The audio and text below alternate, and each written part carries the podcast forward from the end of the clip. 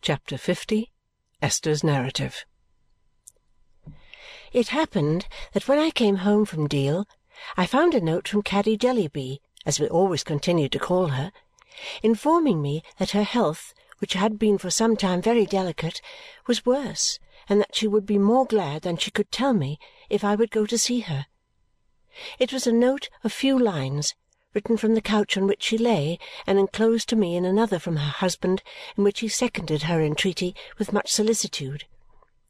Caddy was now the mother, and I the godmother, of such a poor little baby, such a tiny old-faced mite, with a countenance that seemed to be scarcely anything but cap-border, and a little lean, long-fingered hand always clenched under its chin.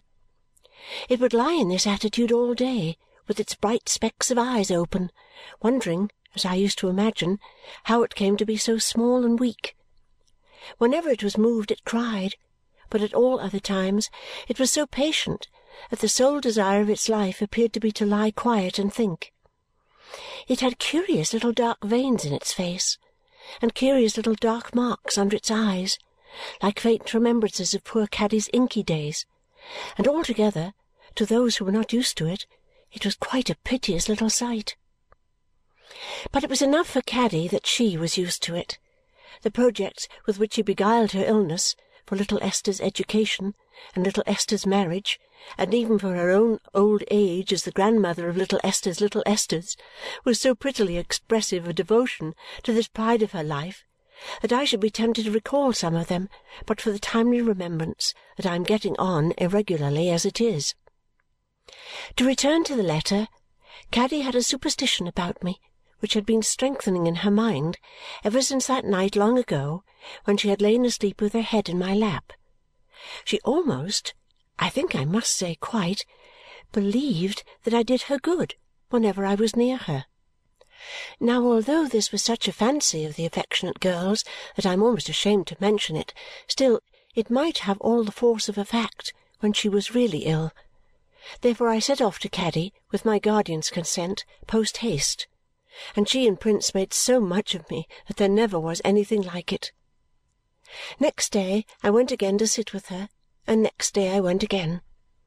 It was a very easy journey, for I had only to rise a little earlier in the morning and keep my accounts and attend to housekeeping matters before leaving home. But when I had made these three visits, my guardian said to me on my returning at night, now, little woman, little woman, this will never do. Constant dropping will wear away a stone, and constant coaching will wear out a Dame Durden. We will go to London for a while and take possession of our old lodgings." "Not for me, dear guardian," said I, for I never feel tired, which was strictly true. I was only too happy to begin such request. "For me, then returned my guardian. "Or for Ada. Or for both of us. It is somebody's birthday to-morrow, I think." "Ah, truly I think it is," said I, kissing my darling, who would be twenty-one to-morrow. "Well," observed my guardian, half pleasantly, half seriously, "that's a great occasion and will give my fair cousin some necessary business to transact in assertion of her independence and will make London a more convenient place for all of us. So to London we will go. That being settled, there is another thing. How have you left Caddy?" "Very unwell, guardian. I fear it will be some time before she regains her health and strength." "What do you call some time now?" Asked my guardian thoughtfully. "Some weeks, I am afraid." "Ah!" He began to walk about the room with his hands in his pockets, showing that he had been thinking as much. "Now, what do you say about her doctor? Is he a good doctor, my love?" I felt obliged to confess that I knew nothing to the contrary but that Prince and I had agreed only that evening that we would like his opinion to be confirmed by some one. "Well, you know," returned my guardian quickly, "there's Woodcourt." I had not meant that and was rather taken by surprise. For a moment all that I had had in my mind in connexion with Mr. Woodcourt seemed to come back and confuse me. You don't object to him, little woman? Object to him, guardian? Oh, no. And you don't think the patient will object to him? So far from that, I had no doubt of her being prepared to have a great reliance on him and to like him very much. I said that he was no stranger to her personally, for she had seen him often in his kind attendance on Miss Flite. Very good, said my guardian. He has been here to-day, my dear, and I will see him about it to-morrow. I felt in this short conversation, though I did not know how, for she was quiet and we interchanged no look, that my dear girl well remembered how merrily she had clasped me round the waist when no other hands than Caddy's had brought me the little parting token. This caused me to feel that I ought to tell her, and Caddy too, that I was going to be the mistress of Bleak House, and that if I avoided that disclosure any longer, I might become less worthy in my own eyes of its master's love. Therefore, when we went upstairs and had waited listening until the clock struck twelve in order that only I might be the first to wish my darling all good wishes on her birthday and to take her to my heart, I set before her, just as I had set before myself, the goodness and honour of her cousin John and the happy life that was in store for me. If ever my darling were fonder of me at one time than another in all our intercourse, she was surely fondest of me that night and I was so rejoiced to know it, and so comforted by the sense of having done right in casting this last idle reservation away, that I was ten times happier than I had been before. I had scarcely thought it a reservation a few hours ago, but now that it was gone, I felt as if I understood its nature better. Next day we went to London. We found our old lodging vacant, and in half an hour were quietly established there as if we had never gone away.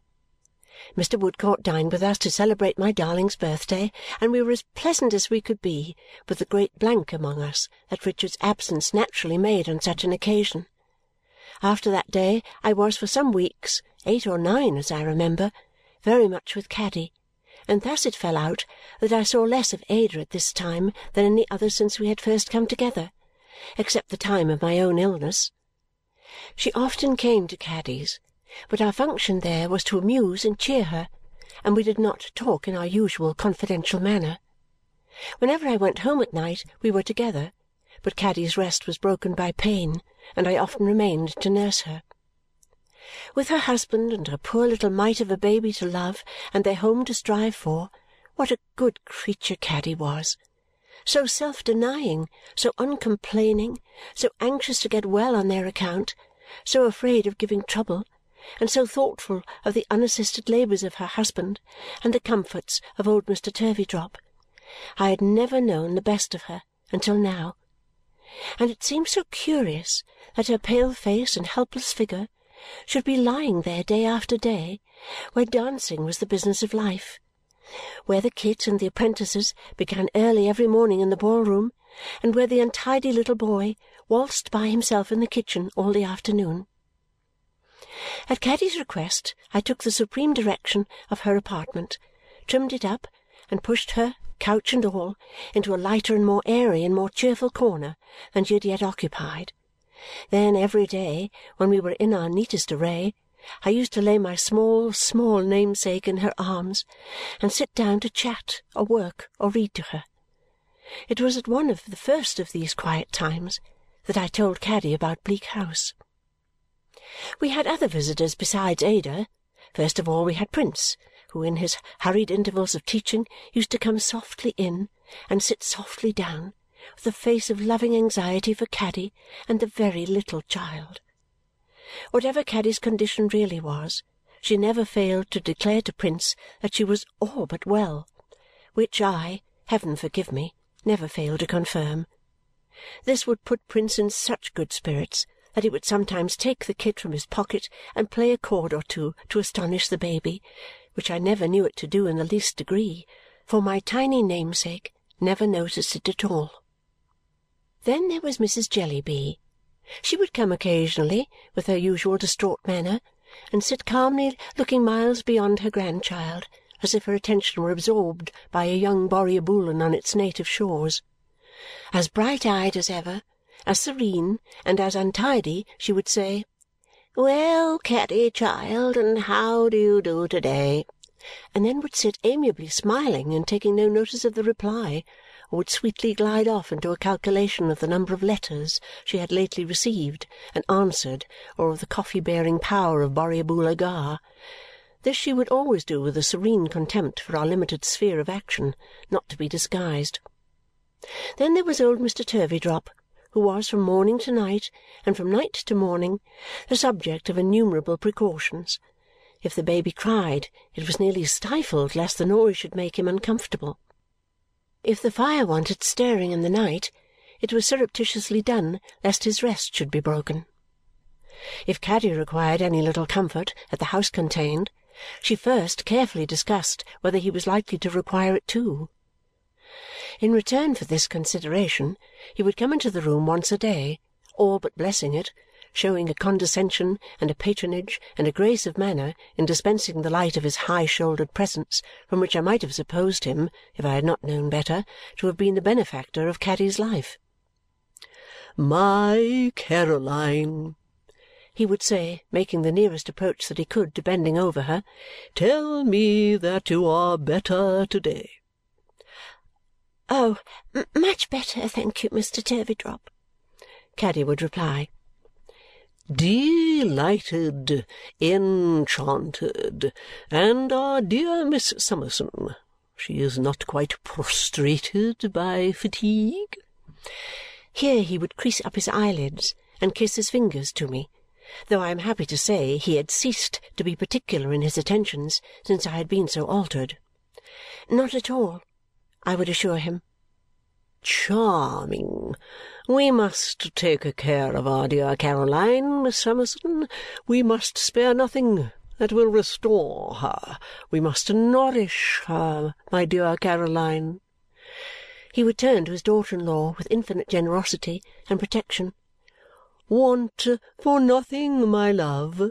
Frame a wish and gratify it, my daughter. Everything this house contains, everything my room contains, is at your service, my dear. Do not," he would sometimes add in a burst of deportment, even allow my simple requirements to be considered if they should at any time interfere with your own, my Caroline. Your necessities are greater than mine." He had established such a long prescriptive right to this deportment, his son's inheritance from his mother, that I several times knew both Caddy and her husband to be melted to tears by these affectionate self-sacrifices. "Nay, my dears," he would remonstrate, and when I saw Caddy's thin arm about his fat neck as he said it, I would be melted too, though not by the same process. "Nay, nay, I have promised never to leave ye. Be dutiful and affectionate towards me, and I ask no other return. Now, bless ye, I am going to the park. He would take the air there presently and get an appetite for his hotel dinner. I hope I do old Mr. Turveydrop no wrong, but I never saw any better traits in him than these I faithfully record, except that he certainly conceived a liking for Peepy and would take the child out walking with great pomp, always on those occasions sending him home before he went to dinner himself, and occasionally with a halfpenny in his pocket. But even this disinterestedness was attended with no inconsiderable cost, to my knowledge, for before Peepy was sufficiently decorated to walk hand in hand with the professor of deportment, he had to be newly dressed, at the expense of Caddy and her husband, from top to toe. Last of our visitors there was Mr. Jellyby, really when he used to come in of an evening and ask Caddy in his meek voice how she was, and then sit down with his head against the wall and make no attempt to say anything more, I liked him very much. If he found me bustling about, doing any little thing, he sometimes half took his coat off, as if with an intention of helping by a great exertion, but he never got any further. His sole occupation was to sit with his head against the wall, looking hard at the thoughtful baby and I could not quite divest my mind of a fancy that they understood one another. I have not counted Mr. Woodcourt among our visitors because he was now Caddy's regular attendant. She soon began to improve under his care, but he was so gentle, so skilful, so unwearying in the pains he took that it is not to be wondered at, I am sure. I saw a good deal of Mr. Woodcourt during this time, though not so much as might be supposed, for knowing Caddy to be safe in his hands, I often slipped home at about the hours when he was expected. We frequently met, notwithstanding. I was quite reconciled to myself now, but I still felt glad to think that he was sorry for me, and he still was sorry for me, I believed. He helped Mr. Badger in his professional engagements, which were numerous, and had as yet no settled projects for the future.